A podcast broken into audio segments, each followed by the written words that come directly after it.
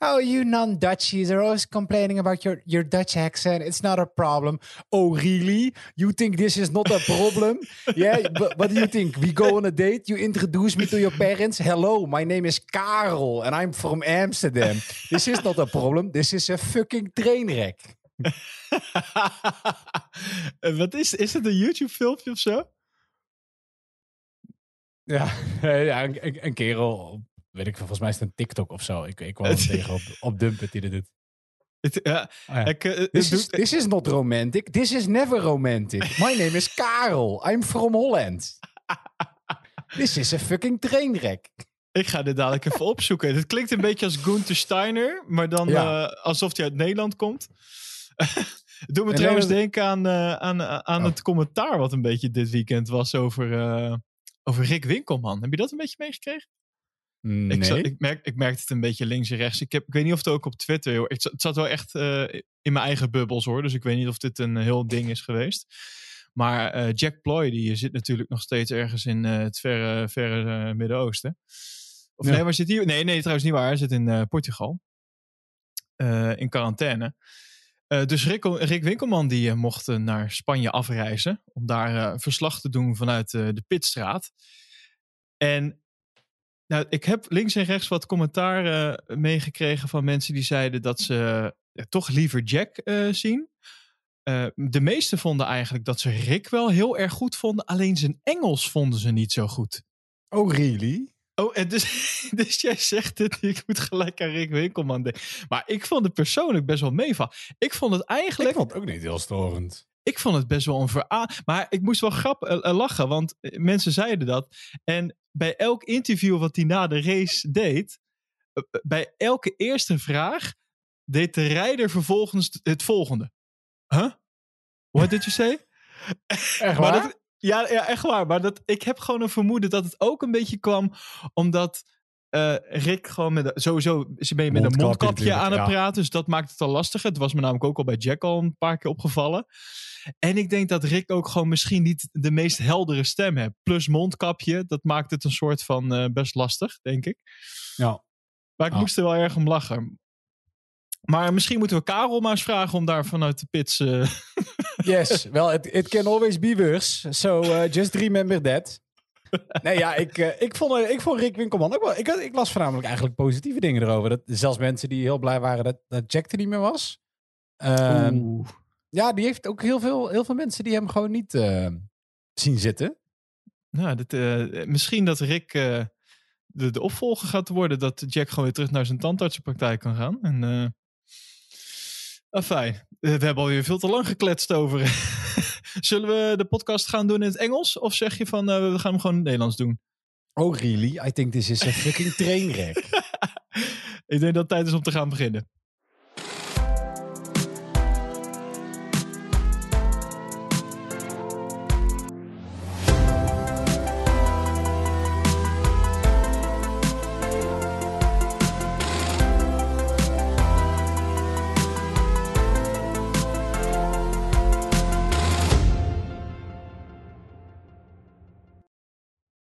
Race 4 van het eh, kampioenschap zit erop. Spanje is inmiddels eh, alweer verlaten door de teams. En het was helaas voor Red Bull toch eh, Lewis Hamilton en Mercedes die met de winst eh, vandoor gingen. Na een toch wel, moet ik zeggen, spannende, bloedstollende race.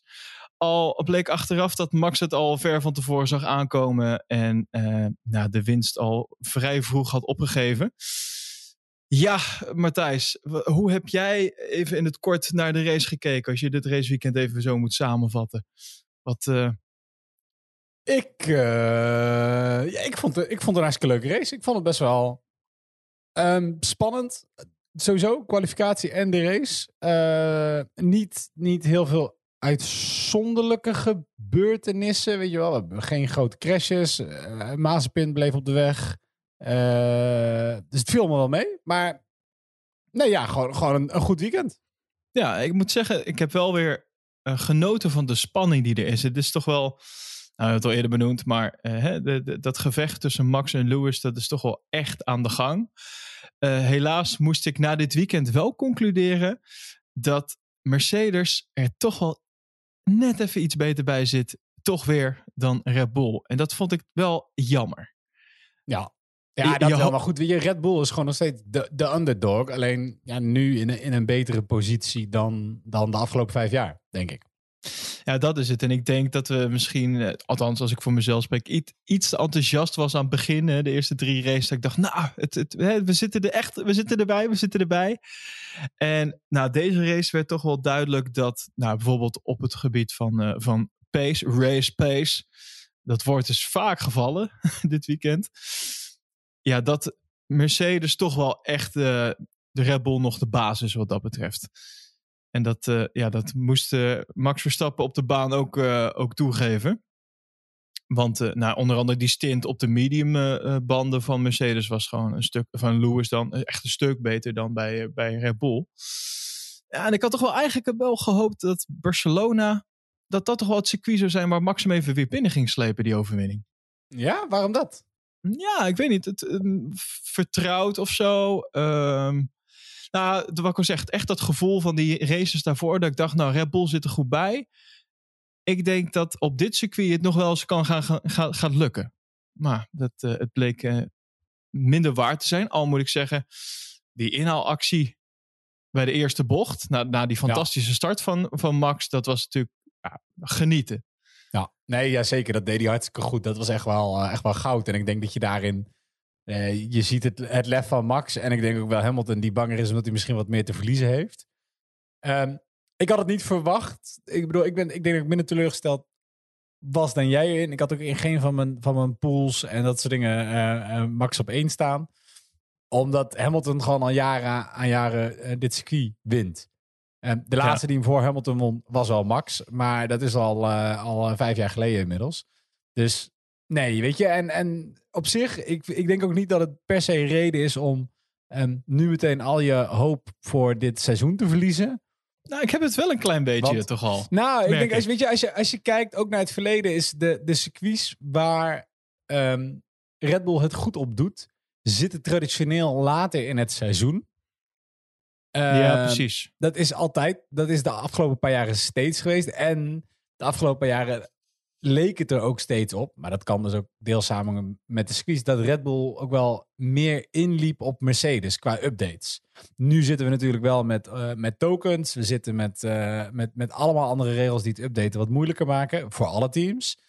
Ehm, maar ik weet niet. Ik, ik zou het nog niet, nog niet zomaar afvlakken eh, op het gebied van dat, dat, ehm, eh, dat, dat Max helemaal al buiten spel staat. En ook niet, en dat is misschien wel belangrijker, dat Red Bull als constructeur zijnde ook niet helemaal uitgevlakt moet worden. Nee, klopt. Nou, eh, genoeg om over te praten in ieder geval. Laten we even lekker het raceweekend induiken na deze korte evaluatie zo. Laten we beginnen met misschien wat feitjes over de, over de track. De track facts, Matthijs. Want ja, Spanje, waar hebben we precies gereden? Jij hebt dat allemaal even uitgeplozen. Je hebt de Wikipedia ingedoken. Eh, wat, eh, het circuit. Het is een Nou, bekend circuit. Het is een bekend circuit. Ja, waar hebben we het over? We hebben het over 4,6 kilometer en eh, 16 verschillende bochten. De snelste ronde werd deze keer eh, eh, gezet door Max. 1.18.149. Dat is de snelste tijd eh, die we op Spanje hebben. Ehm, en leuk, ik ben inderdaad eh, de geschiedenis ingedoken. Want er is nogal een geschiedenis waar we het over kunnen hebben. En dan eigenlijk over de Spanish Grand Prix. Kijk, hij wordt nu en al sinds een tijdje wordt hij op eh, Barcelona gereden. Maar Spanje heeft van oudsher altijd al een, een Grand Prix gehad. Die gewoon vernoemd werd als de Spanish Grand Prix. De eerste race daarvan, die, die de Spanish Grand Prix eh, genoemd werd, werd gehouden in 1913. Al meer Oh, dan wauw. 100 jaar. Ja, Zo. meer dan 100 jaar. Is keer onder, onderbroken geweest door, vanwege de Spaanse oorlog. Kan je nagaan. nou, wat kunnen we nog meer zeggen? Dit was het circuit waarop Max natuurlijk zijn eerste overwinning had. Dat was zes jaar geleden. Ehm, en, en ja, weet jij nog hoe het kwam? 2016, dat Max won. Zijn eerste race, zijn eerste Eh, overwinning. Oh, wauw. Nu zet je me voor. eh, ik, ik weet niet precies waar je op doelt. Nou ja, dat was namelijk de, de, de reden dat Max daar kon winnen. Was dat, dat was de race waar Nico Rosberg en Lewis Hamilton elkaar in de eerste bocht Oh! de finaal afreden. Ja, precies. Dus ehm, dat het was ook het circuit waar Schumacher voor het eerst won. In 1996. Toen zag het circuit er nog wel wat anders uit. Uh, oh. Grappig genoeg was 1996 ook de laatste keer dat de Spanish Grand Prix last had van regen. Uh, dit keer hebben we natuurlijk wel een klein beetje, nou ja, druppeltjes gehad. Maar um, echt regen mogen we het niet, uh, niet noemen. Um, wat is dan nog meer grappig? Nou, weet jij wie ik. sorry, weet jij wie ik bedoel als ik zeg Lombardi? Lella Lombardi. Nee, dit zegt mij helemaal niks. Nee, dat is de enige vrouw die ooit punten heeft gewonnen in de Formule 1. Oh? Jazeker. We hebben een vrouw gehad in de, in de Formule 1, 1975. Uh, toen uh, werd zij zesde in een verkorte versie van uh, de Spanish Grand Prix. Dit was het Montjuic circuit in Barcelona. Een gemiddelde Spanjaard spreekt het ook zo uit. Um, en daar kreeg ze een half punt voor de zesde plaats. Half punt omdat het een verkorte race was. Um, en in 2012 was dit de eerste en enige keer dat de, de magistrale Pastor Maldonado um, won. En ook uh, zijn eerste en enige oh, pole En vanaf dat pole heeft hij, hem, uh, heeft hij hem gewonnen.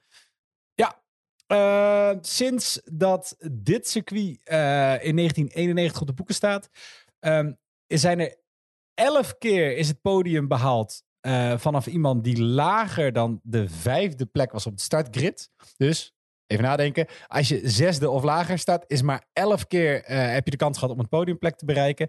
En slechts drie keer is het gelukt uh, voor iemand om te winnen die niet op een van de eerste twee plekken startte. Slechts drie keer.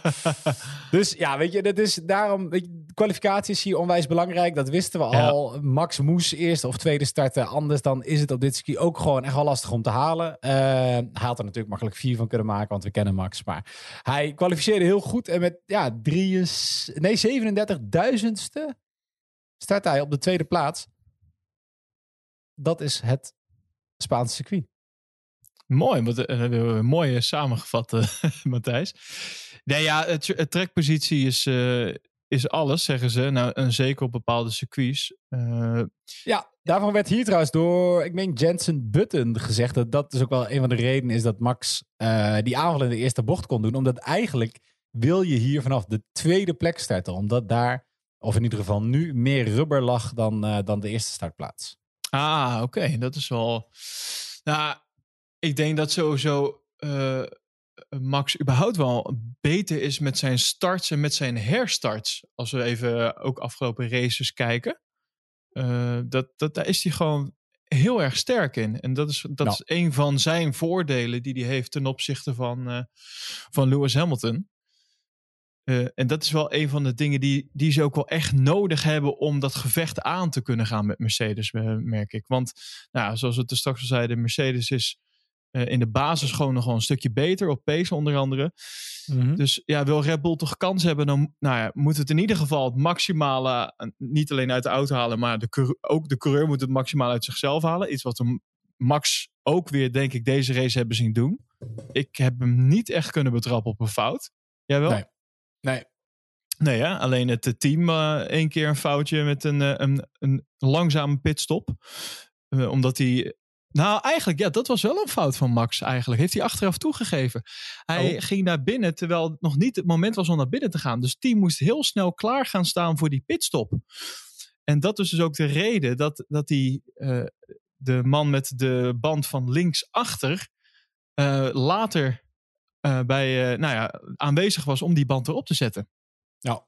Maar dat heeft Max dus achteraf. Nou, dat, dat zou je dan nog een foutje kunnen noemen. Maar verder is vlekkeloos geweest. Dus ja, ik, ik ben bang dat dit toch een beetje het, ook het seizoen gaat worden van wachten op de foutjes van Lewis. Ja? Want ik denk dat, ja, ik denk het wel. De foutjes van nou, Lewis, misschien de foutjes van Mercedes? Nou, en de foutjes van Mercedes dan. Nou ja, en eh, laten we eerlijk zijn, die waren dit weekend gewoon heel slim met hun strategie. Want eh, ze hebben een dubbele pitstop gemaakt. En ze hadden. Kijk, en dat, en dat vind ik wel leuk. En daarom is een race weekend ook zo leuk. En niet alleen maar de race. Hè. De echte. Nou, de diehard fans die zitten al. Uh, eigenlijk donderdagmiddag al klaar om alles vanaf. Alle interviews vanaf de, de track al te krijgen, zeg maar. En te zien. en dan ga je vrijdag in met die vrije trainingen. Maar uiteindelijk door dat raceweekend op een bepaalde manier in te steken, heeft Mercedes ervoor gezorgd dat zij dus nog een setje mediums over hadden, waardoor ze die tweede pitstop konden maken in tijdens de race. Eigenlijk hetzelfde wat Mercedes had gedaan met Max. Alleen had Max nog een extra setje softs over. Red Bull, ja. Uh, sorry, uh, Red Bull bij Max. dat vind ik dan wel. Dat vond ik leuk om te zien dat dat, dat strategische spel. Dat gaat. Dat is gewoon het hele weekend door. Is dat al aan de gang? Denk je dat, denk je dat Red Bull beter had kunnen doen qua strategie? Dat is een goede vraag. En ik denk eigenlijk, ik denk het niet. Ik denk dat nou ik denk dat dit het maximale was wat ze konden doen. Ook als je gewoon kijkt naar hoe, hoe de auto zich verhoudt ten opzichte van, uh, van de Mercedes. Ik denk niet dat ze hier meer uit hadden kunnen halen. De Mercedes was gewoon sneller. De, de Red Bull vrat de banden sneller op. Ik, ik weet niet wat ze hadden kunnen doen. Het enige waarvan ik denk wat het moeilijk had kunnen maken is, en dat, dat merkte ik zaterdag al, daar, en daar baalde ik echt enorm van. Want ik denk, oh jee, dit, dit is een slecht voorteken. Dat was namelijk de kwalificatie van Perez. Mhm. Want die was natuurlijk niet best. En dat zorgde ervoor dat nou, uiteindelijk in gedurende de race Max geen backup had. Er was niet iemand die mee kon vechten tegen de Mercedes'en en daarmee eigenlijk hun strategie kon beïnvloeden op een nou, negatieve manier. Of in ieder geval op een manier die zij niet per se zelf hadden bedacht. Ja. Je, je hebt niks meer om tegen te vechten. Dus, en hè, Max heeft dat ook uh, achteraf nog in interviews gezegd op een uh, iets wat subtielere manier. Maar het was eigenlijk gewoon een kleine steek toch wel onder water naar Perez. Van ja, weet je, ik moet het weer in mijn eentje doen. En dat is gewoon zo. En ik denk dat dat nog wel eens het verschil had kunnen maken. Omdat je dan gewoon een ander, andere race gaat krijgen. Ja, nee, ja, dat ben ik wel met je eens. Die, ik, ik snap ook niet helemaal wat ze met Perez deden. tijdens de race, vind ik, heeft Perez het gewoon alweer uh, weer heel netjes gedaan. Uh, maar hij staat er natuurlijk wel vanaf die zevende plek. En dat vond ik het meest opmerkelijke tijdens de, tijdens de kwalificatie. Kijk, iedereen bij de kwalificatie rijdt ze, in, in Q3 rijdt ze eerste tijd. En dan gaan we met z'n allen naar binnen toe. En dan wachten we tot de allerlaatste seconde om naar buiten te kunnen gaan. En daartussen is eigenlijk een dood vak waarin, waarin niks gebeurt. Um, Juist omdat Perez die eerste tijd nog niet neer had kunnen zetten, snap ik niet waarom Red Bull dan niet tegen alle verwachtingen in Perez gewoon lekker de baan opstuurt en een rondje laat rijden. Ja, je kan geen tow krijgen. Aan de andere kant, je geeft ook niemand een tow. Um, Stuur hem de baan op. Laat hem alvast een ronde. Dan weet je in ieder geval waar je aan toe bent. En is dat een goed genoeg tijd of schat je die goed genoeg in? Stuur hem dan eens nooit met een setje oude banden de baan op om een tow te geven voor Max of zo. Uh, misschien dat ik hier dingen mis hoor. En dat het een hele platte manier is om ernaar te kijken. Maar ik snap niet waarom er geen tijd op zijn bord stond. En we gewoon vijf minuten lang naar de, naar de pitstraat hebben zitten, kijken. Terwijl hij gewoon zat te wachten in zijn auto. Ja, ja, nee, ja, hier ging je ook uh, op los in, in ons Slack-kanaal, zag ik. ja, ik vind, dat, ik vind dat dus echt een gemiste kans. Want Perez kan het makkelijk. Hij had makkelijk derde, vierde kunnen kwalificeren. Ik denk dat ze dan toch wachten uh, op die ideale baanomstandigheden. Ja, ja, om dan, ja, ik denk dat dat het toch gewoon is. Ik denk dat toch, zeg maar, dat soort dingen dan toch genoeg ja, maar ja, als je, Maar als je coureur niet de idea, het ideale rondje rijdt, dan ben je gezien zoals nu. Ja, dat is waar. En, en ja, uiteindelijk resulteerde dat in de race dat hij gewoon uh, rondjes lang achter Ricciardo heeft gereden. En dat was uh, het tweede wat me dan tegenviel. Dus ik denk, ja, kom op. Weet je wel, dit, Max heeft je nodig en je, moet het, je zit in een auto waarin je dit gewoon makkelijk kan. Waarom kan die dit nou weer niet? Dit viel me echt tegen. Perez viel me echt uh, dit weekend tegen. Zowel tijdens de kwalificatie oh. als tijdens de race. Vond ik echt... Uh, nou ja, ik vond de kwalificatie jammer. Ja, de race had ik echt minder last van. Ricciardo is echt wel een moeilijk iemand denk ik, om voorbij te komen. Die remt heel laat. Spanje is best een lastig circuit om, uh, om in te halen. hè, dat, dat, zie je ook in nou ja, drie mensen die ooit niet vanaf de eerste startrij de race gewonnen hebben. Het is gewoon best wel een moeilijk, uh, het is best wel een moeilijk circuit om er langs te komen. En Ricciardo is, is de minste niet. Hij rijdt in een best wel goede auto. Uh, nou ja, ja. Je, je noemt hem. Uh, Ricciardo heeft ook gewoon een heel goed weekend gehad. Laten we eerlijk zijn. Ja. Want ten opzichte van Norris, moet ik even nadenken. In de kwalificatie kwalificeerde Norris negende. En uiteindelijk uh, uh, in de race werd Ricciardo dan zesde. En Perez die kwam uiteindelijk nog voor hem. En Norris werd achtste. Dus ja. ja, daar waar Norris eigenlijk eh, de afgelopen races toch wel voor, of eigenlijk boven Ricciardo stond, was het dit weekend toch wel even andersom. Het, maar het waren een- ook wel vanaf de kwalificatie, want Daniel kwalificeerde zevende en Norris negende. Ja, wat ik zei, dat zei ik net Ja. al. Dat eh, Oh qua ja, kwalificatie eigenlijk, eigenlijk het hele weekend was voor... gereden. Ja, precies. Ja, ja eh, nou wat nog, voor mij persoonlijk nog meer tegenviel naast uh, Perez dan, was... Wie denk je dat ik ga zeggen? Voordat ik hem uh, inkop. Bottas. Ja, ik dacht dat je Bottas ging zeggen. Ik wil heel even naar Yuki de Rookie. en dan gaan we Ja. zo naar Bottas. Oké, okay, ja, Tsunoda. Yuki Tsunoda. Dat, dit, ik, ik denk dat die jongen iets te snel opgehemeld is. En uh, nu als een baksteen, ja, weer Ja. aan het zinken is op dit moment. Ik, ik begin me een klein beetje aan Yuki te ergeren. Ja, Eh, jij, jij, ja. Jij, krijgt al de. En Ja, en komt dat dat, is- want toevallig ik- door zijn boordradio's? Ja, nou ja, misschien wel. Eh, nee, ja, ik begin me er echt wel. Ik, ik dacht, ik vond het juist leuk. Ik vond het en, en cool dat je een andere nationaliteit eh, eh, op het veld hebt zitten. En, en hij zei natuurlijk, eh, nou ja, hij gooide best wel hoge ogen. Dus ik had ook wel goede verwachtingen voor hem. En wat je tegen, ik weet niet wie die vergelijking maakte, maar die zei, ja, hij klinkt gewoon als een soort van klein kind dat ze, dat ze snoep niet krijgt. Box, box. P16 naar Yuki, P16. I can't fucking believe this car! Weet je, het is. Ja, maar het is alleen maar, alleen maar over die boordrijden. Kijk, dat je een keer scheldt over de boordrijden, dat boeit me echt niet. Eh, vind ik alleen maar leuk, kan ik alleen maar om lachen. Maar het is alleen maar schelden. Het is alleen maar afgeven op zijn team, op zijn auto, op alles is verkeerd. Ik, en ik alle gast, je bent, je bent net nieuw hier. Ja, Leuk, ja. doe, even, doe even normaal. Ik, eh, ik hoor Tom Coronel nog zeggen. Ja, maar dat is het, eh, eh, het enthousiasme van die Japanners, hè?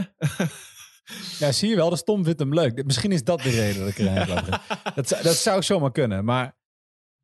Ja, nee, ik vind dat... Ik, en ik, ik zag het ook op andere plaatsen, hoor. Onder andere de Formule, Formule 1 op, op Reddit, waarbij mensen echt... nou ja, eh, uitleg slash excuses begonnen te geven. Ja, maar dat is, eh, dit is normaal in Japan, want het is dan je auto en die moet het doen. En het werk en hiërarchie en ja, ja, ja. denk ik, ja, kom nou, doe even normaal. Dit is gewoon... Helemaal die halve suggestie over dat, dat, dat zijn auto minder zou zijn dan die van Gasly. Nou, daar, Ga even naar huis. nou, daar sip je even iets aan. Oké, kom maar. Ehm, want de- eh, jij eh doelt nu even op de kwalificatie. Daarin deed hij dus een bordradio waarin hij eigenlijk een beetje zijn auto de schuld gaf. Hè. Hij kwalificeerde volgens mij 16 uit mijn hoofd. Hij ging al, in Q1 ging hij er al uit. En toen dacht ik precies hetzelfde wat jij nu dacht. Ik ja, gast, dit is wel heel makkelijk, hè? Volgens mij moet je gewoon een snel rondje neerzetten. En eh, dat hebben we niet gedaan. Punt. Maar toen die auto op zondag uitviel, toen dacht ik, ja, misschien heb je wel een puntje gehad op de zaterdag. Misschien was die auto ook gewoon even niet meer oké. Want het is niet voor niets dat die uitvalt op zondag. Ja, nee, nee, nee, maar kijk, dat je, dat je zegt dat je je auto misschien niet oké voelt, is anders dan dat je suggereert dat je met ander materiaal rijdt. Nou, ik, Dat is Ik denk- echt, echt wel heel wat anders hoor. Dan kan je zeggen, ja, het voelde niet zo, ik weet niet, er zit iets in de auto, de balans voelt niet zo, eh, ik weet niet, iets misschien tussen mijn oren. Dat is wat anders dan dat je zegt, eh, volgens mij word ik genaaid op basis van spullen. nee, nee ja, Zeker Kijk. omdat je net bijna een nieuwe auto hebt gekregen, omdat je hem de vorige keer zelf in de prak hebt gereden, hè? Nee, dat, dat is waar. Dat is waar. Maar ja, ik, ik denk dat hij wel ergens een, een punt had. Maar dat weet ik niet zeker. Maar ik denk dat hij ergens een punt had tijdens de kwalificatie. Dat hij toch iets aanvoelde in die auto wat gewoon niet oké was. En of dat nou per se ook eh, de reden was van zijn uitvalbeurt op de zondag, dat weet ik niet. Hij zei er zelf nog over tegen, tegenover Sky Sports. Zei hij, eh, it's been, eh, moeten we Karel er even bij halen? It's been a frustrating race weekend for me. I'm obviously disappointed to not have finished the race as I think my pace at the start was. Quite good, but I was completely out of my control. Zoals Karel zou zeggen. Oh, really? Hey, oh, really? Uh, hij zegt: We don't currently know what happened to the car, so we'll investigate this after it returns to the garage, and then we'll review everything together with the engineers. I just need to look forward to the next race in Monaco now. It will be my first time racing there and I'm excited to drive on such an iconic circuit. Al dus Yuki de rookie. Ja, nou ja, daar, weet je, daar hoorde je gewoon weer zijn, zijn persadviseur. Ja, natuurlijk. Ehm, nou. Nee, ik weet niet. Dus ik vind het gewoon een beetje. Het is gewoon een beetje teleurstelling in hem en in zijn prestaties. En dan ook in, in dit gedrag. Dat ik gewoon een beetje. denk, Ja, het, het, het komt een beetje verwend over of zo. Ik weet niet wat het is, maar het is gewoon een beetje. eh, Nou, het schijnt maar heel kan je voorstellen, als, als, kan je je voorstellen als we Mazepin zo over de boordradio hadden gehoord. hoe Iedereen had echt. Nou ja, ze kotsen hem natuurlijk al uit. En terecht. wou zeggen. Maar, maar ik bedoel, dan hadden we het toch helemaal. eh, of iemand anders die het gewoon echt laat afweten. Weet je, stel je voor dat Giovinazzi zo te horen was geweest. Dan was hij ook echt uitgekotst. ja, nee, ik snap wat je bedoelt. Ik snap niet dat we voor hem allemaal excuses aan het maken zijn. En dat is leuk hoor, dat temperament. Maar ja, ja, niet afgeven ja, op je team. Nou, heeft hij ook zijn excuus voor aangeboden? Want dat doen we tegenwoordig met z'n allen. Publiekelijke excuses. dat moet hè. Nou ja, eh, je noemt hem ook al een Mazepin. Eh, weer een dramatisch weekend eh, natuurlijk. Eh, nou is Haas natuurlijk niet eh, per se het team eh, waar wat hoge ogen gooit dit seizoen. Maar de kritiek die begint wel een beetje toe te nemen op uh, Mazepin. Is dat jou ook een beetje opgevallen? nou, ik dacht juist, dat ik denk, ik ga de hele andere kant. Ik hoorde dat Gunther was best wel, best wel oké met het weekend. Oh Die ja? was gewoon best wel positief. En ik snap Naar niet welke race heeft zij krijgt. zitten kijken? Nee, maar hij zei van, joh, we hebben, we hebben gewoon... we, zijn, eh, we hebben gewoon goed gereden en, en de jongens hebben weer kunnen oefenen. En eh, alles is heel gebleven. Volgens mij was dat het een beetje. Wou net zeggen. Ja, Nee, ja, maar het is hetzelfde als dat je naar, naar een eh sterrenrestaurant krijgt en dat je eigenlijk een burger van de McDonald's op je bord krijgt en dat je zegt, nou ja, we hadden toch te eten en het, nou, het was niet helemaal koud. En ja, dat, wat een onzin. Het is gewoon slecht. Het is gewoon niet goed. Nee, en het ja, is helemaal... gewoon- Toch? Die hebben, die hebben dit gewoon, ja, maar die hebben dit seizoen toch gewoon helemaal afgeschreven, joh. Nee, dat snap ik. En ik snap Dat ook is- wel dat het die, die auto vooral is. Maar eh, de auto, zowel Schumacher als Mazepin op twee rondjes gezet. Ik denk dat hij alleen maar blij mag zijn dat Mazepin gewoon gefinished is en zijn auto niet eh, in de vangrail heeft gereden. Ja. Ik denk dat dat de grootste winst is van het weekend. Want als het bij Ja. Schumacher gebeurt, dan sta ik versteld. Want dan denk ik, nou, dat had ik niet per se van je verwacht. Maar als bij Mazepin gebeurt, denk je, nou, ik zat er eigenlijk op te wachten. ja. Schumacher maakte wel een foutje trouwens, hè? Even Ja, dat een bruggetje die kant- Heb je het gezien? Ja, ik, ik snap wat je bedoelt. Maar eh, vertel het even voor de luisteraar die het eh, niet heeft gezien. Ik kan me niet voorstellen, maar... Eh, bij het inrijden van de pits. Bij zijn pitstop. Ja, hij reed even de... Hoe Hij noem je reed de die? lo- Ja, de niet, is, nee? Nee? niet de Lollipop Man. Nee, nee, nee, dat is die andere. Dit is de, de, de kerel met de frontcheck. Eh I don't know. Eh, die, hij deed een strolletje. Eh, afgelopen, afgelopen jaar deed Stroll dat. En die kerel Ja, die vloog precies. echt, echt twee meter achteruit. Deze wat minder.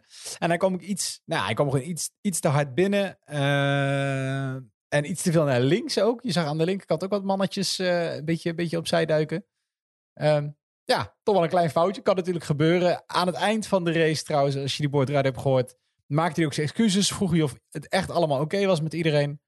Ehm, en ik heb zelfs een video gezien waarin die eh, achteraf ook nog iedereen in het hele team eh, van Haas eh, weer, weer langs gaat na de race. Om ze allemaal even een handje te geven en Oh, te spreken. Ja, Dat is wel... ja, dat is wel een hele, hele, ja, hele sympathieke kerel, denk ik. En door als Hamilton het doet, dan zeggen we hij doet het voor de camera's. Maar eh, ik krijg wel echt het gevoel dat, dat het team ook echt wel blij is met Mick. En, en dat Mick ook heel dankbaar is voor de kansen die hij heeft. Dus dat is gewoon goed om te zien. Dat is gewoon zo'n groot verschil met zijn, eh, met zijn teamgenoten. Nou ja, misschien dat ze daarom ook wel blij zijn dat zij voor het deel van, van, van Mick werken natuurlijk. Want anders krijg je Mazepin dienst. Ja, oh my god. Da- da- Dan ben je toch, zit je toch elk weekend met geknepen billen of je weer niet je lunch moet overslaan omdat je weer iets in elkaar moet eh, sleutelen. Ja, dat je nou uit elkaar moet sleutelen. Ja, met, met eigenlijk geen onderdelen, want daar was geen geld voor. Ja. Dat je toch een beetje met duct tape aan de slag moet. Nou ja, eh, eh, er was ook eh, op de vrijdag was het volgens mij was het ook Charles Leclerc die eh Mazepin reed hem weer keihard in de weg. Dus er was een eh, Leclerc die ook weer op de boordradio zo van nou hij zal echt nooit veranderen. Mazepin will never change. Ja. Ik heb ook zo'n idee dat, eh, kijk, uiteraard zijn de, de coureurs eh, in de auto altijd wel, eh, eh, ja, wat, wat kritisch, om het zo maar te zeggen, en iets wat in emotie. Maar ik heb wel het idee dat, dat het veld ook wel een beetje klaar is met hem. Zo van, ja, gast, ga weg. Weet Ja. je wel? Rij me niet in de weg. Ga, je hoort hier gewoon niet thuis. Punt. Ja, aan de andere kant, weet je, ik kan me nog niet zo heel lang geleden herinneren dat, dat iedereen ook die attitude tegenover Stroll had. Terwijl Stroll Ja. lijkt nu langzaam wel een beetje, misschien ook dankzij Mazepin, langzaam een beetje ingeburgerd in, in de groep van Formule 1-coureurs. Weet je wel, hij heeft toch wel een paar keer een mooie race neergezet en, en dan in de puntjes gereden. Nou ja, hij heeft, Eh, eh, helaas eh, dit weekend is hij net buiten de punten beland. Ja, dit weekend was hij is elfde. Maar weer beter dan, dan zijn teamge, teamgenoot ja, Sebastian Vettel. Die, en laten we eerlijk zijn, dat, dat maakt Stroll dan eh, voor de bühne nog even iets beter. Want ja, als Ja. jij in, eh, wat is het, vier keer, vier keer wereldkampioen eh eh, voorblijft. Ja, dat, Ja. Dat, dat, dat ziet er natuurlijk wel lekker uit. Want ook in de kwalificatie was het Stroll op de elfde plek en Vettel op de dertiende plek. Ja, ik heb eigenlijk ook heel weinig, dat is gewoon lekker doorpakken, heel weinig van Vettel meer hoor.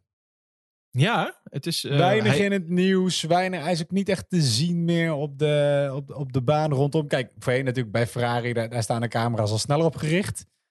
Maar ja, het is echt een beetje... Het, is gewoon, het begint gewoon sneu te worden, denk ik. is een gevalletje, hij is er. Of zo, Ja. weet je wel? Denk, Ja. denk je dat hij er na dit jaar nog is? Ehm, ik denk Of, het nog of wel. ga ik nou nat omdat hij gewoon voor twee jaar getekend heeft? Dat weet ik niet uit mijn hoofd. Mm, De, de, volgens mij heeft hij niet voor één jaar getekend, sowieso. Maar ik denk wel dat hij, eh, eh, dat hij ook niet eruit wordt gewipt, nog. Ik Nee. denk ook wel dat, dat hij daadwerkelijk een bepaalde toegevoegde waarde voor het team heeft. Eh, alleen, ja, komt hij zelf gewoon niet uit de verf. Ik denk dat dat gewoon een beetje het ding is.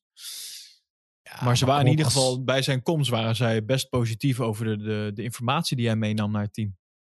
En ik denk En dat Stroll er ook wel wat aan heeft, hè? En toch rijdt Stroll bijna ieder... Ik, ik weet niet uit mijn hoofd de uitslagen van alle races. Maar hij is bijna altijd boven Vettel geëindigd, volgens mij.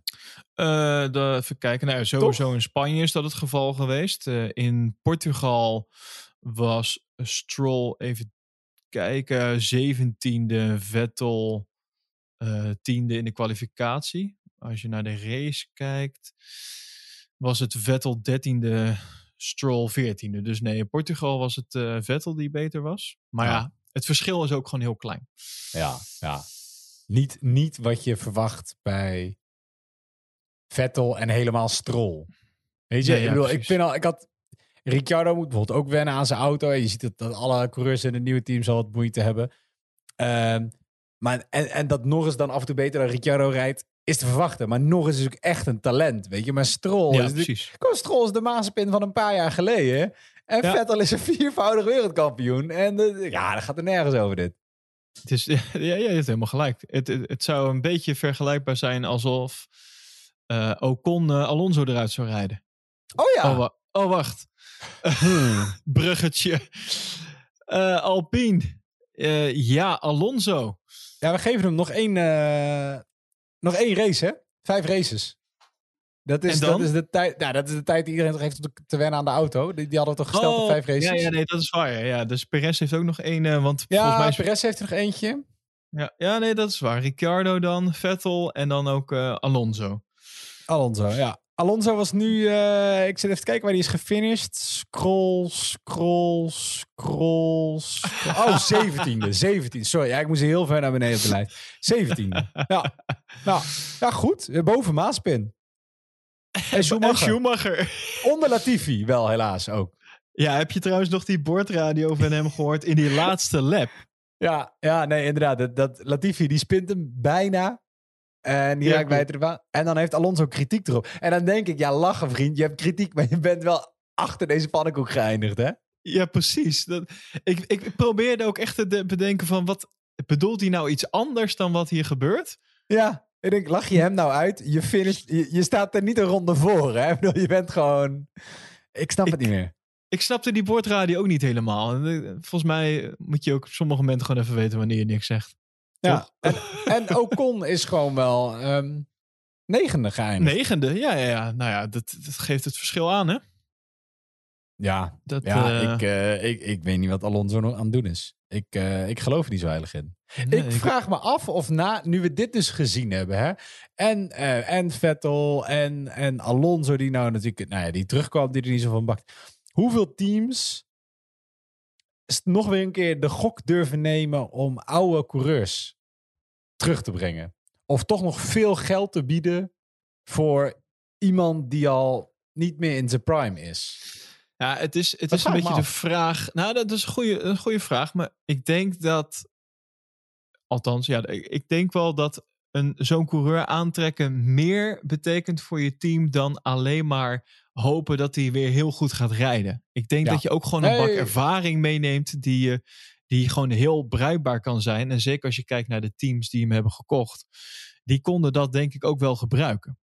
Nee, natuurlijk. Weet je, het is ervaring en het brengt sponsoren met zich mee. En, en ook wel een, een naam. En dat, dat, dat helpt. Het helpt op inderdaad meer vlakken dan alleen op de baan. Ik vraag me af wat, wat het financiële plaatje is wat erachter zit. Of het, of het echt zo erg de moeite waard is. Terwijl je aan de andere kant talenten hebt die voor een, een stuiver eh, in jouw auto willen rijden. Gewoon omdat ze de kans willen hebben om in een Formule 1 auto te rijden. Nee, ja, eh, precies. Ik bedoel, ja. Weet je, Alpine had ook een. eh, een nou, zeg, zeg iets geks. Een Hulkenberg aan kunnen houden. Dat Voor, zeker. ik, denk, ik denk 10% van het salaris van Alonso. Ja, dat, dat denk ik ook wel, ja. Dus en ja. ik denk dat je dan ook een beter resultaat zou hebben gehad. Nou ja, bijvoorbeeld. Dus Ja, ik ben ja. benieuwd. Nou ja, over beter resultaat gesproken. Of in dit geval eh, een slechter resultaat. Eh, want je, je noemde net al eventjes Valtteri Bottas. Eh, als er iemand ook een beter resultaat nog kan gebruiken, dan is hij het toch wel, hè? Eh, en dat dacht hij zelf ook. En toen dacht hij, ik ga me gewoon dit weekend eens even laten zien wat ik waar ben. Nou, derde plek. nou, dat heeft hij denk ik een paar bochten volgehouden. op momenten dat Hamilton hem moest gaan passeren. Maar eh, waar, waar kwam dat ineens vandaan? Ja, dat hij hem er niet langs leed. Ja, hij zei zelf, ik was bezig met mijn eigen race. Ik vond het klopt, trouwens, even, even iets daarvoor. Ik vond het heel hoopvol dat hij eh, eh, al iets eerder... Max, die had al gepit volgens mij. En toen hoorde je zijn race engineer. Hij, hij lag zeven seconden lag je erachter of zo. Eh, met deze pace heb je hem eh, in de laatste ronde te pakken. Weet je, blijf zo doorrijden. Met deze pace heb je hem. You Ja, can do this. Ja, wie, wie, wie hou je voor de gek? En nog een paar ronden. Ja, hij lag- er zeven seconden achter. En ik denk vijf ronden later lag je er tien seconden achter. Dit gaat de verkeerde kant op, vriend. Ehm, ja, ik weet niet. Ja, of hij was zijn eigen race aan het rijden. Ik heb ook zat mensen gehoord die zeiden... joh, eh, hij weet al lang dat hij zijn stoeltje kwijt is. En hij dacht, eh, fuck jou Toto. Ja, nou, je zag Toto ook even zweten, hè? Ja. Dat was wel even een mooi beeld zo van... eh, oh, je zag gewoon in zijn ogen bij Toto van... Hij, hij gaat, dit gaat toch niet gebeuren? Dit gaat toch niet gebeuren? Maar wat, wat je net al zei, Bottas die zei achteraf eh, bij, de, bij de pers dat hij dus zijn eigen race aan het rijden was.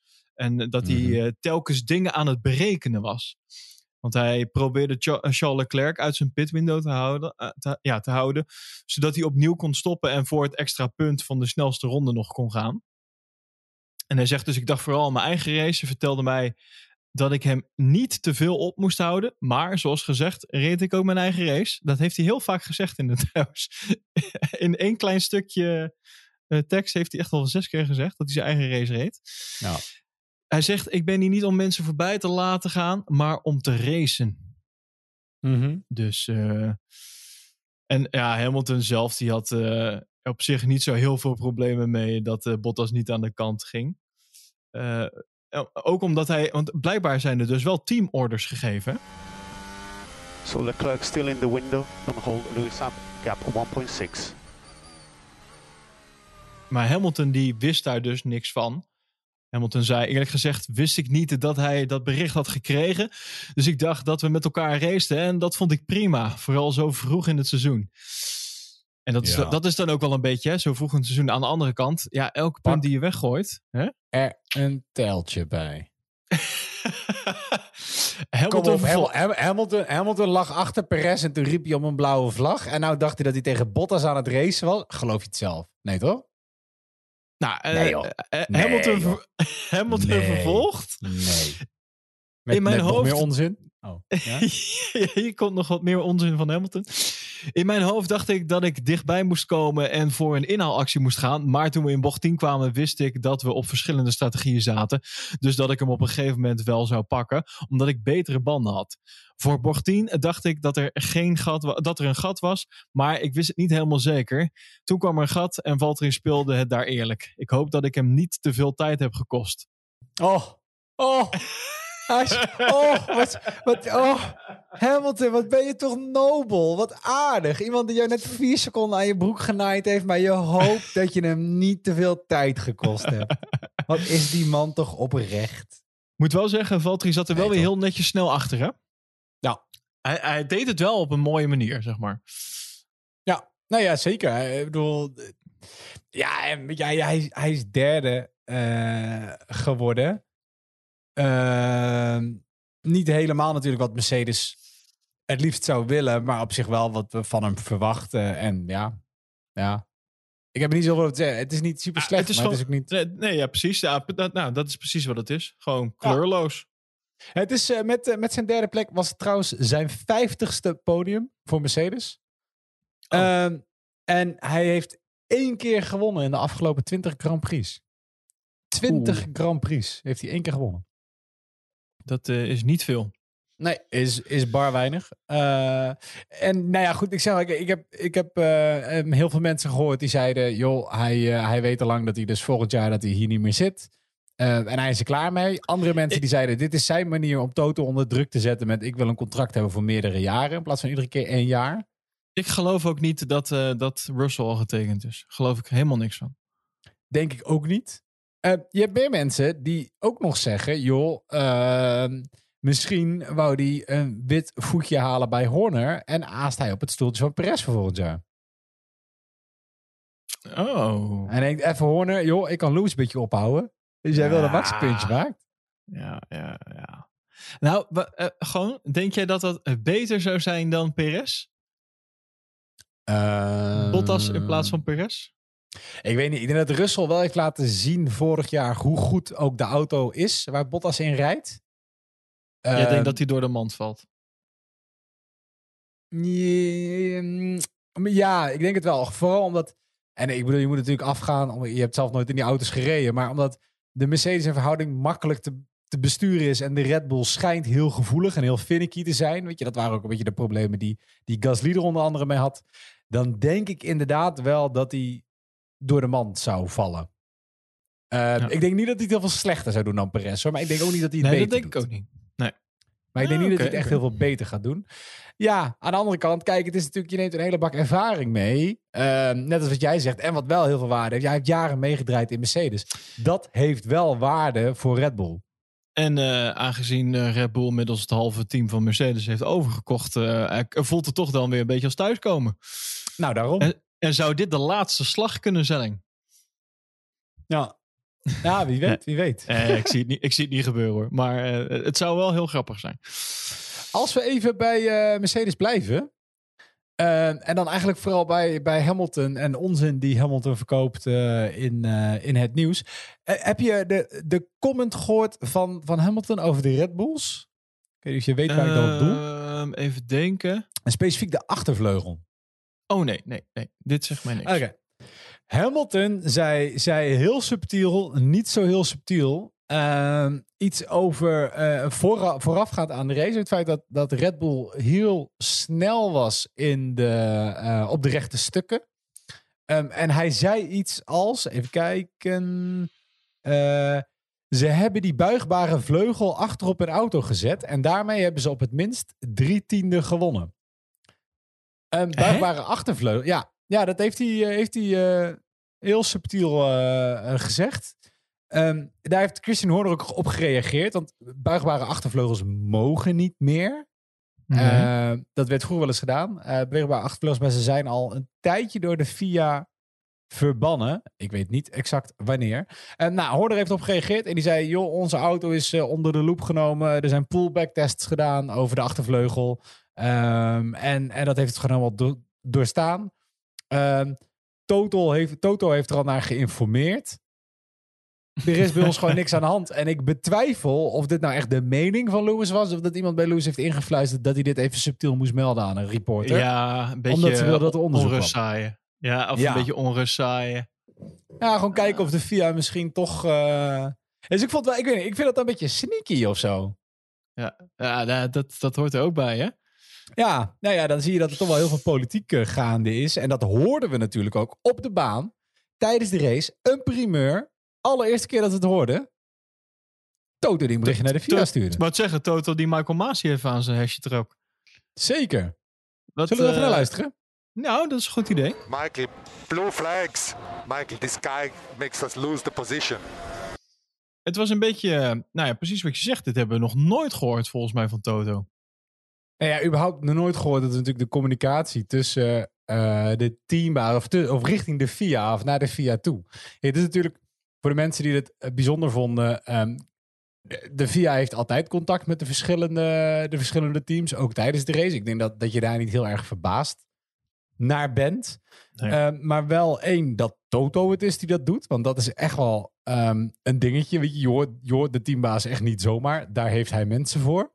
Eh, en helemaal een beetje zo'n bevelend, eh, bevelend iets. Ik vind het, het is allemaal een leuk kijkje achter de schermen. En het is wel leuk dat F1 dit dus probeert. Dat we dit waarschijnlijk ook gaan horen. Precies, ja. Ehm, je, je zag ook zo'n teams die aparte animatie. Ja, Sorry. een animatie met, eh, met de FIA, met zo'n grijs dingetje erin. Ja. Ehm, helaas niet dat ze, dat ze antwoorden. Dat had ik ook wel grappig gevonden. Ja, Ehm, ja, waarom dat dan Toto is, weet ik niet. Ik weet dat eh, er is wel natuurlijk ja, iedereen die, er, die erop reageerde. Waaronder eh, Gunther, eh, die natuurlijk moest reageren, want het ging over Mazepin. Die zei dat nou ja, Toto wilde een beetje zichzelf laten gelden. Het feit dat hij dit nu, dat hij dit nu zelf riep. Ehm, ja, daar kan je van vinden wat je ervan vindt. Andere mensen zeggen, joh, Toto wist niet dat dit werd opgenomen. En ze weten natuurlijk niet dat exact dit stukje wordt uitgezonden. Ze wisten, wel dat het, ze wisten wel dat het werd opgenomen. Het was aan- ze hebben hier al meerdere tests meegedaan. En het was kennelijk van tevoren aangekondigd aan de teams. Dat ehm, deze race er ook eh, de boordradio's die richting de. of de radio's die richting de VIA zouden gaan. Dat die eh, uitgezonden zouden kunnen worden. Oké, Dus-. Het was niet geheel onverwacht. Maar ja, je weet ook niet hoeveel radio's er normaal gesproken natuurlijk naar de VIA toe gaan. Tijdens de race. Ik vond de reactie van Gunther vond ik wel goed. Als in, hij nam het op voor zijn, eh, voor zijn, ja, voor, voor zijn rijder. Ja. Maar ik denk dat het wel onzin was. Want hij, z- eh, zei dus, ik denk dat Nikita goed werk heeft verricht. Misschien, en dan wat je dan net al zei, eh, Matthijs, misschien wilde Toto even laten zien wie de baas is. En dat Ja. iedereen moet bewegen als hij langskomt. Hij liet zijn mensen dat werk niet doen. Hij wilde een beetje publiciteit, denk ik. Nou, ik, ik weet het. Ik, Ah, weet je, hij toonde- ze wisten dat het uitgezonden kon worden, maar dan specifiek die. Ja, tenzij het natuurlijk zo uitzonderlijk is dat Toto erop gegokt had dat hij eruit geknipt zou worden omdat hij het deed. Maar ik vind, dan, dan vind ik dat je ook wel heel ver, dat je echt spijkers op laag water aan het zoeken bent. Wa- Wat ik. eh, spijkers op laag water, ja. Dat is, eh, die kwam ook nog voorbij eh, ergens dit weekend. Lang niet gehoord. Oh. Nee. Ja, ja, dat is waar. Maar, maakt niet uit. Ehm, wat ik wel bijzonder vond, is wat Mazepin daar zelf over zei. Hij zei. Want hij, Mazepin die was zich gewoon geen kwaad bewust, hè? Hij zei. eh, Uiteraard. Hij zei: Ik had voor het eerst in mijn leven met die blauwe vlaggen te maken. Ja, hij moest eraan wennen, zei hij. Ja, ik heb nog nooit op een regelmatige basis een blauwe vlag gehad. Dus het is een kwestie van leren. Net als autorijden. Het heeft me zo'n vijf, wat ze, het heeft me zo'n vijf, zeven jaar gekost om goed te leren rijden. En het gaat me hopelijk nog maar een paar weekenden kosten om de blauwe vlaggen te leren. Nou, toen ik dit las. Nou, toen. Toen was het klaar. Ja? Toen dacht ik echt, ja, maar wat, wat is dit voor reactie? Ja, nou ja, ik snap, wel dat, ik snap niet waarom hij erbij dat, het, dat hij zegt dat het hem vijf tot zeven jaar heeft gekost om, eh, om, om te leren rijden. Want dan, dan weet ik niet, dan zit hij nou een jaar drie, denk ik. Eh, van de vijf tot zeven. Ik snap wel dat je last hebt van die blauwe vlaggen, dat je daar aan moet wennen. Dat snap ik. Matthijs, Ja. We kijken naar het wereldkampioenschap. We kijken naar de Formule 1. Dit, zijn de dit zouden de 20 beste coureurs ja. van de wereld moeten zijn. Ja, ja, ja. Nou, dat zijn sowieso niet. Alonso rijdt mee. Ehm, Ja, zo jammer dit. Nee, maar snap je? Dit, wat is dit nou? Nee, Nee, ja, nee, maar dat, weet je, dat, nee, dat dacht ik ook. Maar eh, listen to this, right? Ik ga het niet opnemen voor... really? Listen Matthijs to gaat this. het opnemen. Ik heb, Matthijs gaat het opnemen voor Nikita Mazepin in het Engels. Ik ga het eh, titel. Nee, nee, nee, nee. nee. Ehm, kijk, het ding is dat, dat eh, blauwe vlaggen komen in de, Formule, eh, in de Formule 2 eigenlijk niet voor. En dat wist ik niet, want ik kijk eigenlijk nooit Formule 2. Ehm, maar het komt daar zelden voor. Dus op zich, ondanks dat Nikita natuurlijk nooit eh, wereldkampioen was, heeft hij nu wel opeens zeven races moeten wennen aan het feit dat hij constant achteraan rijdt. Hij heeft een deel van de races niet echt meegereden. Want eh, hij flikkerde gewoon buiten de baan en hij deed niet meer mee. Dus dit is een race. Die, die gast die zit natuurlijk vol adrenaline in een auto die 300 km per uur gaat. Die hij net of net niet onder controle heeft. En dan moet je ook nog even letten op blauwe knipperende lampjes. En iemand die jou voorbij moet en die je langs moet laten. In plaats van dit, dat hij je gewoon inhaalt. Ik kan me best. eh, Het zou mij ook meer dan één bocht kosten om door te hebben wat ik moet doen. Ik vind, als je op dit niveau rijdt. En dit is, dit is best een ding. Want dit kan ook namelijk super gevaarlijk zijn. Hè? Als jij op een bepaalde manier. eh, eh, nou, niet, per se bla- blauwe vlaggen negeert. Of, of gewoon niet goed opmerkt. Dit kan gewoon heel gevaarlijk zijn. Ik vind, en zeker dan ook nog een keer het, het team van Haas. Bedoel, Haas. De, de coureurs van de Haas zijn op dit moment niet per se heel erg bezig om een overwinning binnen te slepen. Ik denk dat de coureurs van de Haas meer bezig zijn. Ze zouden veel meer moeten trainen op blauwe vlaggen. Laat ik het dan maar zo zeggen. Ja, Want de kans dat ze daarmee in aanraking komen is honderdduizend keer zo groot als dat zij ook maar voor punten gaan strijden. Het kan toch gewoon niet zo zijn dat jij niet in de simulator of waar dan ook gewoon dit, dit moet toch gewoon onderdeel zijn. Hier moet je toch rekening mee houden. Je moet toch gewoon weten van oké, als ik op circuit ben, het gaat gebeuren, want volgens mij zijn ze tot nu toe elke race op twee rondjes gezet, minimaal één. Dan moet je hier toch mee rekening houden. Het kan toch niet anders? Natuurlijk, maar kom op. Die, hij, heeft, hij heeft drie races heeft hij gehad. Hij heeft drie races heeft hij gehad. En, en in Formule 2 had hij geen blauwe vlaggen. En ik zeg al, ik bedoel, je, kijk, je kan erom lachen wat je wil. Eh, en het is natuurlijk ook een sukkel. En hij zou het ook moeten weten. Maar ergens vorig jaar miste Hamilton een, een gele vlag tijdens de kwalificatie. eh, waardoor hij niet van zijn gas afging. En dan hebben we het over Hamilton. En die miste ook een vlag. Ja, alleen Right? het verschil. Ik bedoel, dus er zijn meer mensen die vlaggen verschil- missen. ja, maar het verschil tussen Nikita Mazepin en, en Lewis Hamilton is eh, sowieso een aantal wereldkampioenschappen. Ja, dus Hamil en- maar Hamilton die, en die, die miste het ook, hè? Dus ik weet niet Ja, wat maar- puntje probeert te maken. Hamilton miste een vlag en Maaspin miste een vlag. Het punt wat ik probeer te maken is dat eh, Lewis wat dat betreft iets meer eh slack heeft dan een Mazepin op dit moment. Dat is wat ik zeggen. Nou, sorry. Nee, ik weet, Lewis moet dus helemaal geen vlag over het hoofd zien. En dat deed hij ook. Dus ik, weet je, dit is, ik, ik snap het. En het is natuurlijk het is een super stom commentaar. Ik snap ook niet wat die, wat die Maaspin hiermee doet. En, en hier is gewoon totaal niet over nagedacht. Maar ik wil hem dan wel die slack geven dat als jij net in de Formule 1 auto zit, je komt hier net kijken en je bent al weet ik hoe druk bezig, al jouw capaciteit is bezig met het bereiden van die auto, dat je dan een bocht lang een blauw lampje mist en dat je aan de kant moet gaan. Ja, ik weet niet. Ik, dat, dat gun ik hem dan wel. Dat is echt niet de, de Mazepin eh hate train waar ik op spring. Oké, nou over Slack gesproken. eh, dat was dit Oeh. weekend ook weer. eh, ja, ik, ik maak hem. Eh, was ook weer gezellig met eh, alle, alle nou ja, luisteraars, onder andere van de podcast, die, eh, die ook op Slack zitten. Wil je meepraten? Ga dan even naar ons Instagram-account, uh, polepositionnl. Daar vind je dan. een, je hebt een mooie linktree gemaakt, hè, Matthijs? Een Zeker. linktree. En dan heb je zo een linkje naar ons Slack-kanaal. Dan kan je meepraten. Zo zagen we onder andere dat Mark even lekker vanuit een jacuzzi zat te kijken. Die had het even netjes gekunsteld. Met een tv'tje erbij. Dus dat vond ik eh, was leuk om te zien.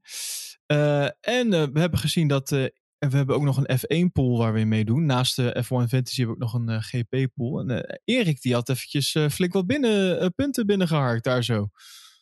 Dat, eh, dat is wel heel mooi voorspeld. die had volgens mij op twee na. Had hij alles goed. Ook op positie en zo. Dat was echt bizar.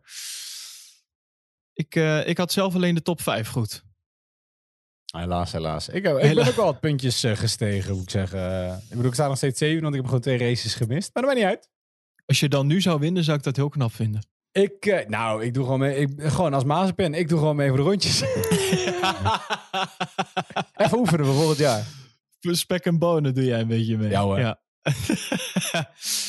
ah, fijn. Even dit kleine uitstapje naar de socials.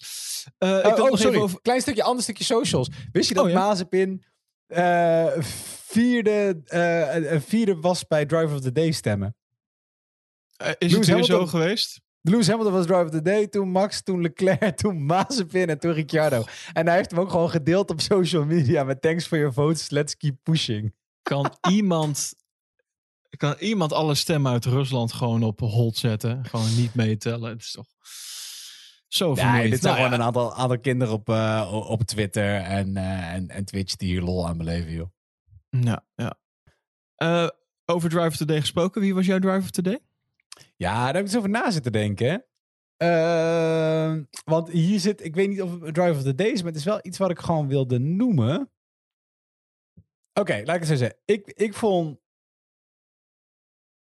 Ik wil Hamilton het even niet, niet geven. Ik weet niet. Vind, winnaar moet niet Drive of the Day zijn. En Max heeft het heel goed gedaan, maar ook niet briljant. Want hij heeft een hele toffe inhaalactie gehad en dat was het. Ik zou zeggen, eh, of Leclerc. Want ik vond het echt knap dat hij, dat vierde is geworden in die Ferrari. Dat is echt wel, echt wel tof. Die heeft ontzettend hard gestreden. Ehm, en, all things aside, Gasly.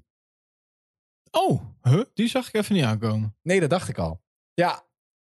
En, en ik, dat, maar dat is ook meer omdat ik het eigenlijk pas achteraf, niet eens zit tijdens de race. Kijk, Gasly is, is mocht je de race gemist hebben, eh, dan ben je al 50 minuten aan het luisteren naar twee mensen. Dan heb je geen idee waar het over gaat. Maar maar eh, Gasly die kreeg die vijf seconden straf omdat hij eh, niet met zijn voorwiel netjes op het streepje stond. oh ja, klopt ja. Dan ben je een beetje een pannenkoek.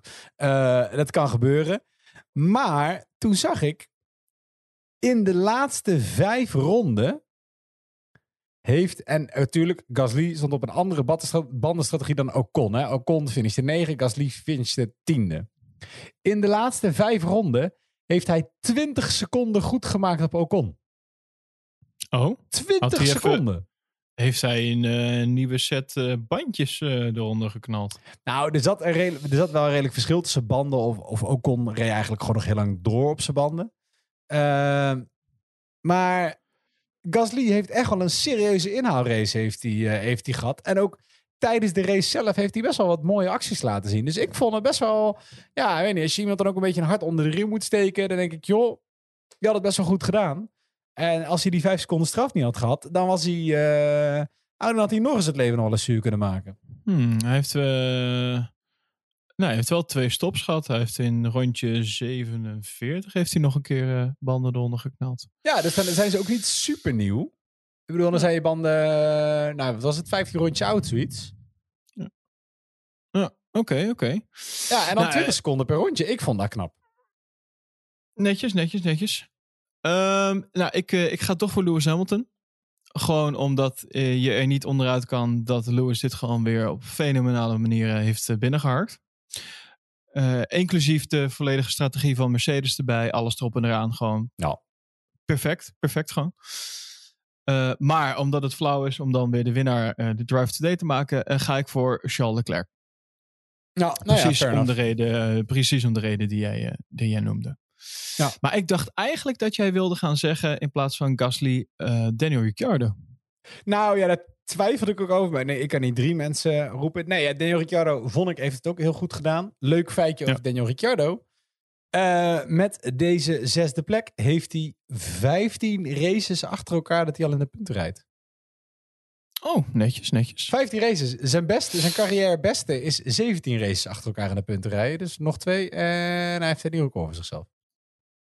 Kijk, nou, er worden tenminste ook nog records verbroken. Niet alleen door Lewis Hamilton. Ook wel lekker. Nou ja, eh, wat er uiteindelijk dus in resulteert eh, na dit raceweekend, dat we eh, wat betreft eh, coureurs, ja, Lewis Hamilton op één hebben staan met 94 punten. Dan Max Verstappen op de tweede plek met 80 punten. En dan komt er een, een, een aardig groot gat naar 47 punten voor Valtteri Bottas. En op de, op de hielen zit dan eh, Lando Norris met 41 puntjes. Gevolgd door Charles Leclerc. hey, Charles Leclerc. 40 Ja, ja, ja. puntjes. Wist jij, Kortom, eh, wist jij leuk. dat, ehm, dat deze, ehm, wat is het, de 94 punten voor Hamilton en de 80 punten voor Max zijn voor hun allebei de beste start van hun seizoen ooit. Oh. Echt waar? Ook voor Lewis? Ja. Oh. Komt ook omdat hij nu natuurlijk eh, extra puntjes mee heeft gepakt voor snelste raceronde. Dus dat was nieuw. Ah, Ja, ja, ja. Ja, ja, die tel je niet mee. Maar dus daarom, voor hun allebei, beste start van het seizoen ooit. Netjes. Ja, Mercedes eh, staat eh, gezamenlijk met de puntjes nu op de eerste plek wat betreft de constructeurs met 141 punten. Gevolgd door Red Bull met 112. Dat is toch al wel iets groter gat, hè? En dan gevolgd door McLaren met 65 punten. Maar Ferrari zit in de buurt met 60 puntjes. Want daarna komt er een groot gat naar Alpine, die 15 puntjes heeft. Het wordt dus leuk dit seizoen, denk ik. eh, ja, sowieso de eerste, tweede plek wordt natuurlijk eh, spannend. Al ja, moet, ben ik toch nu al bang dat dat toch bij Mercedes Nou, eh, uit gaat komen. nou. Zowel bij Lewis als bij Mercedes. Maar plek 3 en 4, dat gaat nog leuk worden. Ja, ik denk dat McLaren en Ferrari wordt echt een heel leuk eh, gevecht voor de constructeurs. Ja, sowieso. De, je, merkt, je merkt het al tijdens de kwalificatie. De tijden liggen ook allemaal zo dicht bij elkaar in de, in de, in de top 10. Het, het is echt heel leuk. En zeker vanaf eh, de derde plek, derde, vierde plek. Het, het gaat echt om, om, om duizendsten soms gewoon. Dat is echt Ja. zo leuk. Dus dit ja, belooft nog veel goeds voor de, even denken, nog, nog 19 races die er gaat komen. Lekker lang seizoen. Ook een leuke race aan de onderkant volgen. Welke van de drie teams klimt het eerst uit het dal met nul punten? Alfa Romeo, Haas of Williams? Eh Alfa Romeo, denk ik. Ja, dat denk ik ook. Ik denk dat, eh, dat we gewoon een keer een goede ronde krijgen van Kimi of van Gio. Ja, precies, precies. Giovinazzi was trouwens ook leuk bezig buiten die pitstop van 35 seconden vanwege die lege band. Oh, dat was ook nog Dat een ding, hè? iets, hè? Ja, dingetje. Dat, eh, dat dat kan gebeuren, hè? Dat, Ja, ja. ze denken een eh, kapot, eh, kapot ventiel. Want het was, het was een helemaal nieuwe band. Dus hij was ook niet lek. Hij, het was gewoon een mooie glimmende band. Eh, technisch foutje, waarschijnlijk kapot ventiel. Maar laten we eerlijk zijn, scherp van die monteur. Want ik, Ja, ik kan me voorstellen dat dat echt iets is wat je dan, dat je gewoon, wat je niet per se merkt of wat gebeurt. Terwijl dat allemaal, nou ja, je weet wat er met zo'n pitstop, hoe snel dat gaat en wat er allemaal gebeurt met hoeveel man, zeg maar. Ik, ik vond het een eh, scherpe actie van die, eh, van die monteur. Ja, en toch wel bijzonder. Want ze moeten dan natuurlijk... Hè, de banden komen in sets. Ze moeten de hele set wisselen. Ik, vond het, ik vind het dan bijzonder dat ze die tweede set dus niet klaar hebben liggen. Ja, klopt, ja. Hiervoor. Ze moesten allemaal naar binnen rennen om nieuwe banden te pakken. Ja, ja, ja. Lijkt me dat je daar nog even bij na kan denken. En je moest, ja, de hele set moest, eh, ja, hij ging natuurlijk eerst in zijn eentje. En volgens mij dacht iedereen daarna, oh shit, we moeten allemaal. we moeten shit, allemaal. Ja, als hij wisselt, doen wij het ook. Ja. Nou, ja. Nou ja, over banden nog gesproken. Eh, laatste feitje. Eh, Alexander Albon, kent u die nog mensen? Alexander Albon. Ja. Die, eh, die krijgt eh, eh, morgen en, en, en, en overmorgen, dus dinsdag en de woensdag, deze podcast wordt opgenomen op maandagavond. krijgt hij weer de kans om achter het stuur van een Red Bull bolide te kruipen. Hij Oh. gaat namelijk het Pirelli testprogramma voor de, met de 18 eh, inch velgen gaat hij, gaat hij doen. Oh, Dus, leuk. Ja. Dus dat, Ah, is, dat is wel leuk. Dus de- dat nog even leuk voor, eh, voor Albon. En, eh, en banden. Althans banden. Het gaat eigenlijk meer om velgen. Maar... Nou, eh, Matthijs. eh, we hebben weer een... eh, nou, wel dik een uur volgeluld. eh. Ja, dat- we, kunnen hier wel gaan knippen en plakken. Ik heb nog één dingetje. Nog één dingetje. Want ik, ik, ik, het viel me Gooi er maar op. in. We zijn nou toch Ja, bezig. we zijn toch al te laat. En, en ik, ik heb ook geen nieuwsuitzending gemaakt eh, de afgelopen vrijdag. Het was vrij druk even. oh, dus, nou, eh, dan had ik nog meer, had ik nog meer nieuws kunnen Dus verzamelen. je mag nog wel wat meer nieuws erin gooien. Als jij nu zegt van, nou, ik heb toch een aantal dingen. Dat, eh, Nou heeft- nee, geen nieuws. Ik heb nog stomme feitjes. Ehm eh, eerste stomme feitje. Slechts twee coureurs hebben vijf keer achter elkaar een Grand Prix gewonnen. Eh, dezelfde Grand Prix gewonnen, sorry. Lewis Hamilton nu. Vijf keer elkaar de Grand Prix van Spanje. Hiervoor Ayrton Senna. Oh, Ook vijf keer dezelfde Grand Prix. Ja, ja, je, je kan hem steeds meer Oh. met, met grote namen noemen. maar dan niet Spanje. Nee, nee, dat Ah, was... eh, Shit, ik had het opgezocht natuurlijk. maakt niet uit, Eh, maakt niet uit. Nou, nee, niet Misschien niet zijn er nu mensen aan het schreeuwen naar een podcast device. Nou, denk ik niet. Ehm, tweede nut- nutteloze feitje. Eh, Max doordat Max eh, eh, natuurlijk... Hij heeft 54 rondjes aan kop gereden. En daarmee was hij degene die het 4000ste rondje reed... waarbij een Red Bull aan kop lag in een race. Dit, maar, Ja, Soms- neem het mee in je dag. Doe er iets Ja, mee. je- Nee. je, je weet wat ik nu wil gaan zeggen. Ja, nee, ja, nee, doe er iets mee. En ja, heb jij, heb je, is jou een fout opgevallen bij de podiumceremonie? Dit is het laatste. Is jou een fout opgevallen bij de podiumceremonie? Ehm, nee. Eh, Nee, nee, nee, want eh, ik, ik stond op het punt om eh, weg te gaan naar een bruiloft. Ja, oké, goed. En dan zou je denken, bruiloft, corona, kan het allemaal? Maar dat was, dat, ik heb een drive-through bruiloft gehad. Bij de McDonald's. Nou, zoiets ja. Je moest wel in een, door een fotoboot rijden en je, en je mocht je, je, je cadeautjes mocht je dan afgeven, maar dan vanuit de auto en zo. Maar toen dacht ik, dat lijkt toch heel gaaf als je dan nu met de RB16B of zo even daar komt, op, komt aanzetten. Nee, daar moest ik gewoon heel even aan denken. Vond ik Vol, volgende keer Marco even bellen. Ja, precies ja. Wel weinig plek voor je cadeautje. Er Eh, stonden wel twee mooie auto's trouwens. Er stond een hele mooie Lamborghini en een hele mooie Ferrari. eh. degene die ging trouwen was een eh, mooi autoliefhebber. Dus, eh, maar tot, tot zover. Ik heb toch nog een Ferrari in het echt gezien dit weekend. Ja, ja, ja. nee, ja, laatste, als je de podiumceremonie hebt gekeken eh, en als jij alleen naar de graphics gekeken zou hebben om te zien wie er gewonnen had, dan had het podium er heel anders uitgezien. Dan was het namelijk, ja, dan was het Verstappen, Verstappen, Bottas. Je zag de graphics van Verstappen spelen toen hij op kwam lopen met second place. En daarna zag je exact dezelfde graphic nog een keer van Verstappen. Toen Hamilton het podium opliep en toen met first place erbij. Dus eh, foutje. Iemand, iemand op de mediaafdeling heeft echt een serieus fout gemaakt. Iemand zat niet op te letten. Nee, nee ik, eh, ik heb het linkje, die kan je in de, ik in de show notes zetten. Dan, eh, dan kunnen zet hem mensen even in de. Slack. Zet hem in de Ik- Slack. Ja, ik zet hem ook in de Slack. Eh, net als het linkje naar ehm, eh, eh, Mick Schumacher, die in de pitstops de foutjes Oh ja. maakte.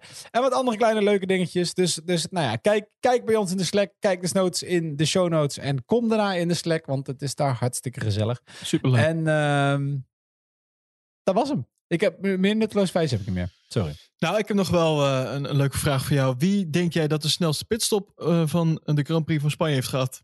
Oeh, dat denk ik niet. Dat weet ik. Dat was Stroll. Dit weet jij. Zo, Ja, dat weet ik. Tori, weet je ook nog met, hoeveel, met welke tijd? 16. Ja, ja, ja, ja, ja, ja. Maar Red wie Bull stond dan? 2.18. Daarna. Ik kan mijn vraag niet eens afmaken. Gevolgd door Latifi 2.21. Ja, ja, ja, ja. Wie, wie staat Nee, op nummer oké. 1 in het, eh, het Fastest Pitstop Championship? Die weet ik dan weer niet. Ah, is Red Bull. Met Toch nog afstand. steeds. Met afstand. Ja, ja. 112 punten voor Red Bull. 53 voor Mercedes. 51 voor Williams. En 51 voor Ferrari. Gedeelde derde Ja, plaats. Williams doet het niet slecht wat betreft de pitstop. Maar dat was vorig Nee. jaar ook al het geval. Hè? Wie geen enkel puntje heeft voor pitstops. Zowel Alpine. McLaren als Haas. Oh, McLaren. Oh ja, dat was ja. McLaren was dat. eh, die, McLaren eh, is slecht in pitstops. En Haas klopt, is ja. overal slecht in.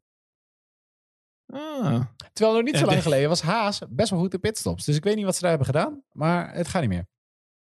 Nee, ja, dat, dat is, er is zoveel fout gegaan bij Haas de afgelopen twee, drie jaar, denk ik. Twee, drie jaar. Ja. Oké, oké. Nou ja, ik eh, denk dat we er wel doorheen zijn. Ik denk het ook. Het was eh, het is tijd. Het, Het is was tijd. mooi. Het is, Over twee eh, weken hebben we Monaco. Dan gaan we eens even zien wie het mannetje is. Nou, dan kijken we nog eventjes vooruit dan. Monaco. Als we het over een, een, een Geeft hem een circuit vinger, hebben. Ja, even heel kort. Als je het over een circuit hebt waar trackpositie belangrijk is, waar pole position belangrijk is, En waar Red Bull sterk is. maar waar Red Max Bull niet is- per se heel sterk is. Ja, maar Red Bull is traditioneel sterk op Monaco. De auto bedoel je? Ja, ja de Ja. auto. Maar ook Max heeft wel eens leuke dingen laten zien daar. Ik, eh, ik weet niet hoor. Ik zou, ik zou het niet uitvlakken. Ik denk dat Monaco, juist omdat het zo heel anders is qua circuit. Juist omdat ik denk high rake hier wel gaat helpen. En ehm, eh, het niet op topsnelheid gaat liggen. Kan Max echt nog wel, of kan Red Bull echt nog wel spannende dingen doen? Ja, eh, nou, dat is zeker. Ehm, ik wil wel één wetje leggen met jou. Oh ja. Aangezien ik die met Alonso en een podium echt dik ga verliezen, namelijk dit jaar. Ja, ja waar komt de tatoeage? Ja, dat moeten we nog even over gaan nadenken. Ehm, maar ik zeg jou dat Nikita Mazepin zijn auto nog voor de kwalificatie ergens in de vangrail eh, schuift. Nog voor, de, dus in de vrije training. Ik, in de vrije trainingen. Oké, oké. Ja, dat, eh, dat denk ik eigenlijk ook. Oh ja, dan, dan, dan heeft het geen zin, hè? Ja, nee, dan moet jij maar- tegen zijn. Ja, nou ja, ik wil wel tegen zijn, maar ik denk, eh, stiekem denk ik van wel. Oké, dan, dan doen we deze eh, weddenschap. En dan doen we dat voor een, eh, een, een, een Formule 1 petje. Ja? Nee, nee, nee, nee, nee, daar ben ik niet goed. Nee, dat doen we, dat doen we een keer een weddenschap waar ik wel in geloof. We doen de, de, de, de weddenschap voor de cold opening. Verliezen van de weddenschap moet volgende podcast openen. Deal. Hey, Goeie deal.